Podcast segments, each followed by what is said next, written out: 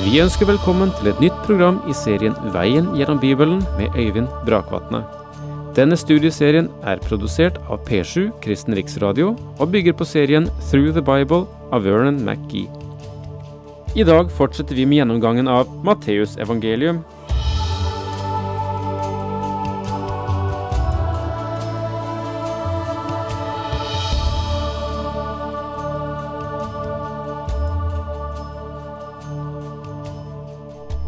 Velkommen igjen til eh, en ny stund sammen med Bibelens veldige budskap. I gjennomgåelsen av Matteusevangeliet eh, har vi akkurat startet med Johannes-epoken, denne merkelige døperen Johannes. Og eh, vi bare så begynte så vidt sist, og nå fortsetter vi. Matteusevangeliets tredje kapittel, vers syv og åtte. Men da han så at mange av fariseerne og sadukeerne kom for å bli døpt, sa han til dem, Ormeyngel, hvem har lært dere hvordan dere skal unnslippe den kommende vredes dom? Så bær da frukt som svarer til omvendelsen. Legg nå merke til hvem som kommer.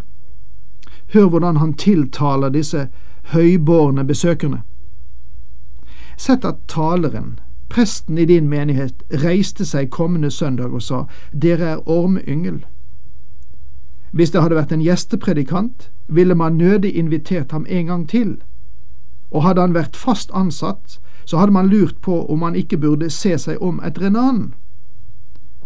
Ja, dette er sannelig et tøft språk som Johannes bruker, og han sier til de høybårne fariseere og sadukere at dere må vise bekreftelse på det nye livet. Dere kan ikke bare gå gjennom en dåpshandling. Dere må bære frukt i deres liv. Og tro ikke at dere kan si, Vi har Abraham til far. For jeg sier dere, Gud kan oppreise barn for Abraham av disse steinene. Dette er et sterkt utspill. Jeg tror vi alle sammen kan forstå hvorfor han ikke ble valgt, den gode Johannes, som årets mest populære mann i Judea. Øksen ligger allerede ved roten av trærne, hvert tre som ikke bærer god frukt, blir hogd ned og kastet på ilden. Det sies en hel del i Det nye testamentet om å bære frukt. Å bære frukt er resultat av å ha det riktige slags tre. Bare et frukttre kan bære frukt. Han taler om at øksen allerede ligger ved roten av treet, og årsaken er at treet ikke bærer frukt. Et epletre vil bære epler, og et plommetre vil bære plommer. Men når et tre bærer torner, er det ikke et epletre, og det må hugges ned. Roten og frukten går sammen, det vet vi, og treet må ha den riktige rot for å bære den riktige frukt. Og det er akkurat det døperen Johannes sier til dem her. Han var sikkert ikke kjent med moderne podeteknikk, det så. Men han forteller dem at alle feile treslag blir hugget ned og kastet på ilden. Jeg døper dere med vann, så dere blir omvendt. Men han som kommer etter meg, er sterkere enn jeg. Jeg er ikke engang verdig til å ta av ham sandalene. Han skal døpe dere med hellig ånd og ild.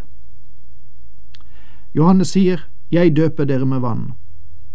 Men han kommer, og når Han kommer, vil Han døpe dere med Den hellige ånd og ild. Dette siste òg er allerede mer enn 1900 år gammelt. Du og jeg lever i Den hellige ånds tid. Kristus Jesus døper med Den hellige ånd i denne tidsepoke. Men kanskje dette ordet ikke er uttømt med det. Det er også dem som mener at dette ordet peker hen mot Hans andre komme, da Han skal døpe med ild, og da som et tegn på ånd.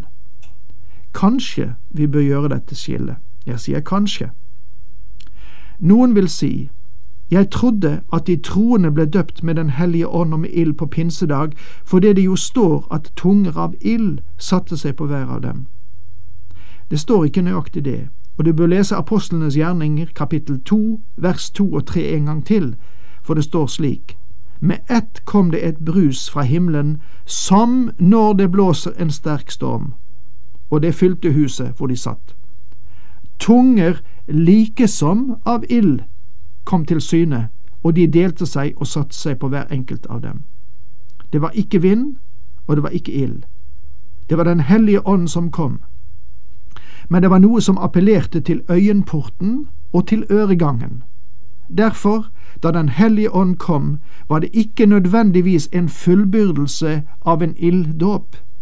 I alle fall er det klart at det står en ildprøve igjen for oss alle. Les bare første Korintiabrev kapittel 3, versene 12 til 15. Men i denne epoke av Den hellige ånds gjerning kommer Ånden over alle troende. Ikke bare noen, men alle troende, noe som betyr at den troende er identifisert med, gjort til ett med Kristi legeme, det vil si at vi blir en del av Kristi legeme. Dette er en av de store sannheter i Guds ord. Og Johannes fortsetter å tale om siste del av nådens tidshusholdning. Han har kasteskuffen i hånden og skal rense kornet på treskeplassen. Hveten sin skal han samle i låven, men agnene skal han brenne opp med ild som aldri slokner. Da drog Jesus fra Galilea til Jordan og kom til Johannes for å bli døpt av ham. Dette er overraskende, og vi må stille spørsmålet hvorfor blir Jesus døpt, og forsøke å svare på det. Men Johannes ville hindre ham og sa, Jeg trenger å døpes av deg, og så kommer du til meg. Jesus svarte, La det nå skje, dette må vi gjøre for å oppfylle all rettferdighet. Da lot Johannes det skje.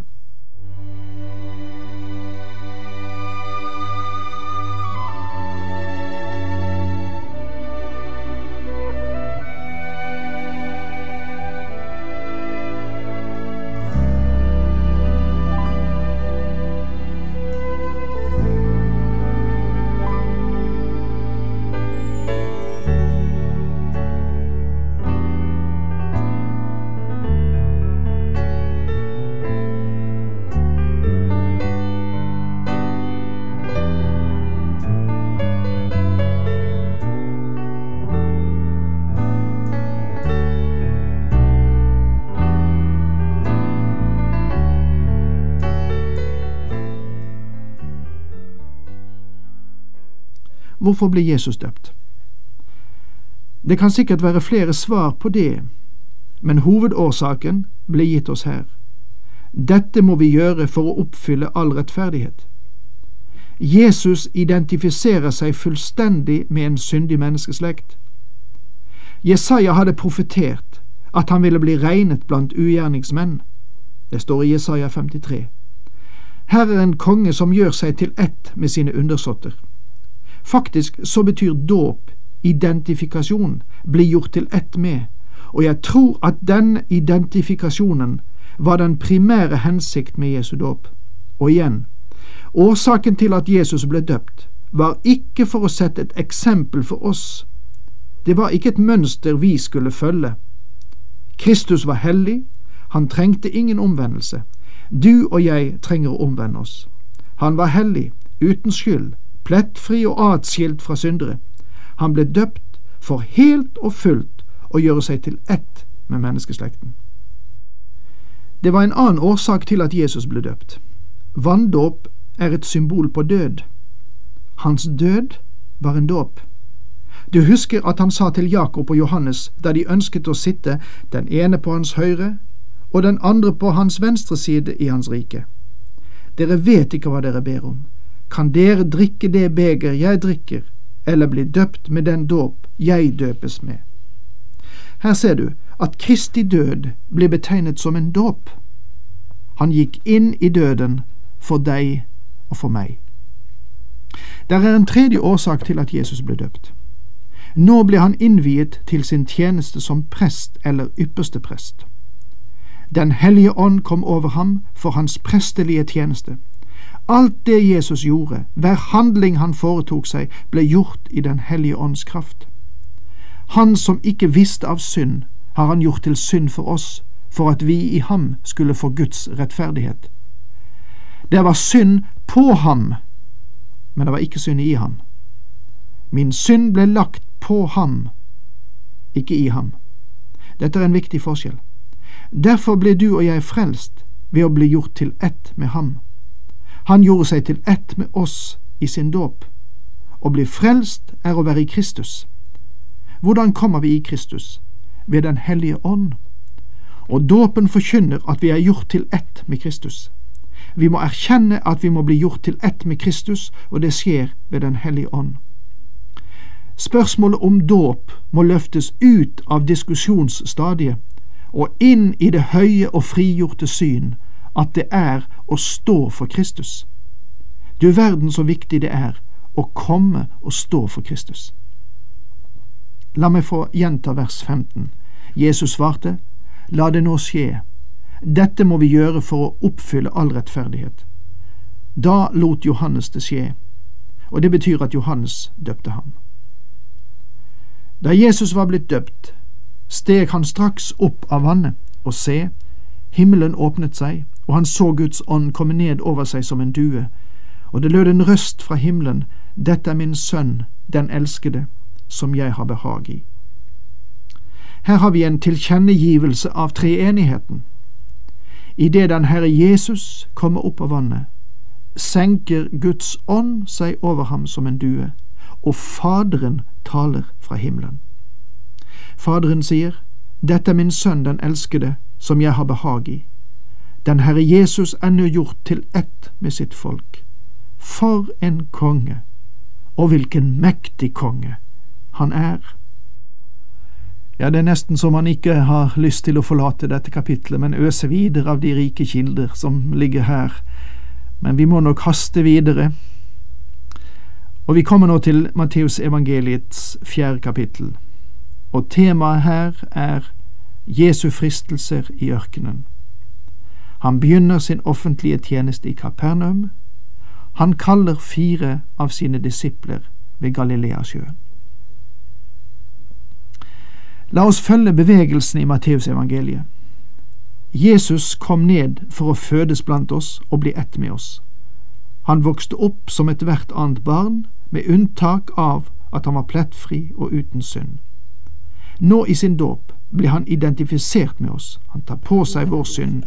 Nå skal han prøves, fordi der er noen vesentlige spørsmål som må besvares. Skal kongen kunne bestå prøven, og kan han overvinne? Ordet fristelse har en dobbel mening. For det første tilskynde eller lokke til ondskap, forføre. Det er noe i oss alle som får oss til å gi etter for det onde. Dette var ikke sant om Jesus. Denne verdens fyrste kommer, han har ingen rett over meg, står det i Johannes evangeliets 14. kapittel. Han var hellig, god og ren, skilt ut fra syndere, sier Hebreerbrevets syvende kapittel, 26. Eh, vers. Så fristelsen for Jesus måtte være annerledes enn den som ville få meg til å falle, fordi den måtte være en mye større fristelse. Ja, dette temaet fortsetter vi med neste gang, for nå er faktisk vår tid ute. Herren med dere, alle sammen.